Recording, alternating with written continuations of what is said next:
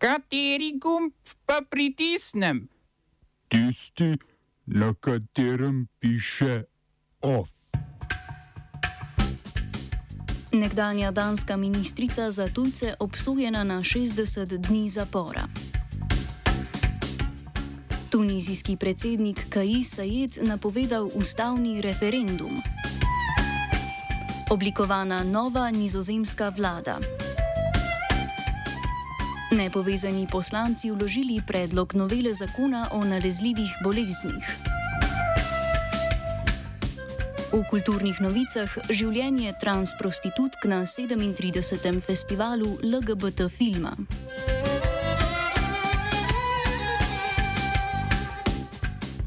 Nekdanja danska ministrica za tujce Inger Stoiber je bila obsojena na 60 dni zaporne kazni zaradi laganja o zakonski podlagi za ločevanje begunskih parov. Stoiber je februarja 2016 sprejela odločbo, da morajo na Danskem brez individualne obravnave ločeno namestiti poročene pare, ki zaprosijo za azil, če je vsaj eden od partnerjev mladoleten. To je ministerstvo samo presodilo za nezakonito, kar je ministrica prikrila. Do spremembe pravila o ločevanju nekaj mesecev po uveljavitvi so danske oblasti skupno ločile 23 parov. Obtožbe proti ministrici so se stopnjevale potem, ko se je ločeni par iz Sirije pritožil danskemu zagovorniku človekovih pravic, ta pa je paru pritrdil. Danski parlament je na to februarja izglasoval začetek sodnega postopka proti ministrici, po glasovanju pa so za primer Stojber vzpostavili posebno sodišče. Dansko toživstvo je sprva zahtevalo štiri mesece zaporne kazni, a Stojber ne bo odslužila niti dosojenih 60 dni, saj na Danskem velja pravilo, da za obsojene na manj kot pol leta zaporne kazni velja le elektronski nadzor. Več o razsodbi danskega posebnega sodišča lahko slišite v offsajdu ob petih.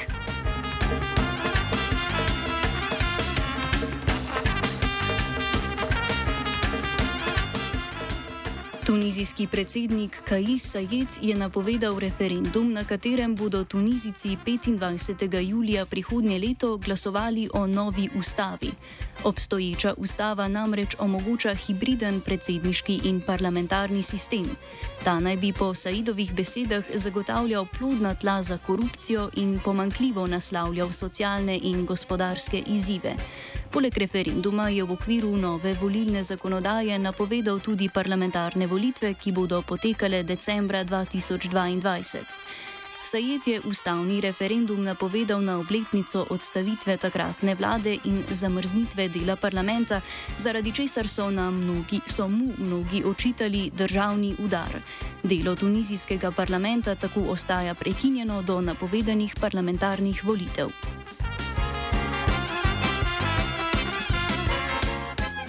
Kanadska vlada je domorodnim otrokom in družinam ponudila slabih 27 milijard evrov kompenzacije zaradi diskriminacije v rejništvu.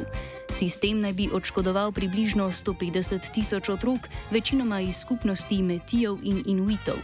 Ponujena kompenzacija sledi odločitvi kanadskega vrhovnega sodišča, ki je pritrdilo sodbi iz leta 2016, da je vlada neenakomerno financirala rejništva neavtohtonih otrok v primerjavi s tistimi iz avtohtonih manjšin. Do leta 1996 je kanadski šolski sistem ločeval avtohtone otroke od njihovih družin in jih pošiljal v internate, kjer so bili mnogi podhranjeni, tepeni in spolno zlorabljeni.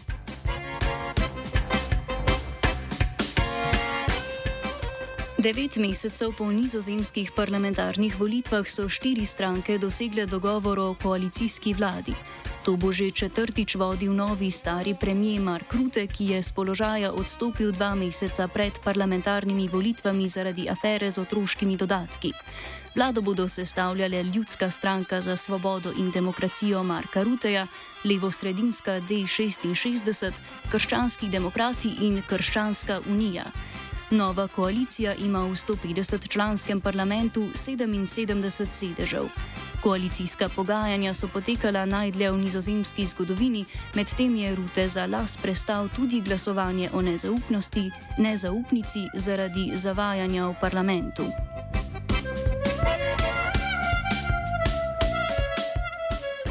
Na predsedniških volitvah v Moldavski avtonomni Piedenstalski republiki oziroma Transistriji je s slabimi 80 odstotki glasov zmagal dosedani predsednik Vadim Krasnoselski. Centralna volilna komisija je večino proti kandidatov izločila že pred volilno kampanjo, edini proti kandidat je bil tako lokalni kmet in uradnik Sergej Pinzar. Krasnoselski, ki tranzistrijo vodi od leta 2016, je tesno povezan z lokalnim oligarhom Viktorjem Gusanom, ki uživa podporo Rusije. Moldavija volitev ni priznala za legitimne, potekale pa so pod ruskim nadzorom. Rusija ima v tem avtonomnem delu Moldavije sicer znaten vpliv, saj ima večina prebivalcev ruske potne liste, ruščina pa je prepoznana tudi kot uradni jezik.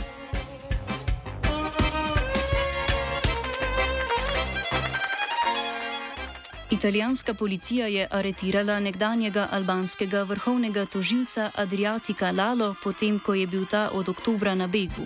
Lala je bil obtožen utaje denarja, s katerim je kupil zemljišče v Združenih državah Amerike in v Nemčiji, zaradi česar bi moral prestajati dvoletno zaporno kazen. Funkcijo vrhovnega tožilca je opravljal med letoma 2016 in 2017, na kar je zaradi obtožb odstopil. Gre za prvi primer obsodbe visokega uradnika v Albaniji od vzpostavitve novih pravosodnih institucij za boj proti korupciji. Nedavno so namreč ustanovili posebno sodišče za boj proti korupciji in organiziranemu kriminalu. Oba, če, če bom odgovoril na angliški. Slovenija bo poskušala pomagati. Slovenija bo naredila naš utmost, da bo rekla, da je situacija naš problem, naš. In mi bomo naredili nadaljnje korake, as soon as the conditions are. Bomo vlado Marjana Cererera Šarca podprli. Very, very serious news from Slovenija. We know how and we will. Nepovezani poslanci bodo v parlamentarni postopek uložili predlog novene, novele zakona o nalezljivih boleznih, ki so ga pripravili v pravni mreži za varstvo demokracije. Rešitve, ki jih predvideva predlog novele zakona, so po besedah predsednika državnega zbora drugačne od tistih, ki jih je predvideval obstoječi zakon, ki ga je v pomembnem delu razveljavilo tudi ustavno sodišče. Podpise so pod predlog prispevali le štirje nepovezani poslanci, a so podporo predlogu napovedali tudi v vrstah opozicije. Predsednik državnega zbora in nepovezani poslanec Igor Zorčič je že pred dnevi tudi na naš radio povedal, da novelo podpira, a se ni sam odločil za vložitev v parlamentarno obravnavo.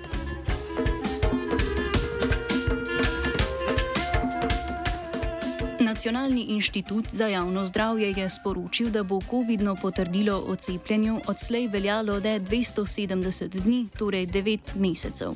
Po pretečenem roku bo potreben poživitveni odmerek, ki je še vedno priporočen po šestih mesecih od zadnjega cepljenja, spreminja pa se najkrajši čas prejema poživitvenega odmerka in sicer se bo odslej možno cepiti 3 mesece po zadnjem cepljenju. V Sloveniji so sicer danes prvič potrdili okužbo z virusno različico Omikron. O večji nalezljivosti nove različice pričajo podatki iz Velike Britanije. Tam okužbe z Omikronom predstavljajo že 40 odstotkov vseh okužb, v 48 urah pa naj bi nova različica postala prevladujoča. Prvo okužbo s to različico so danes odkrili tudi na Kitajskem.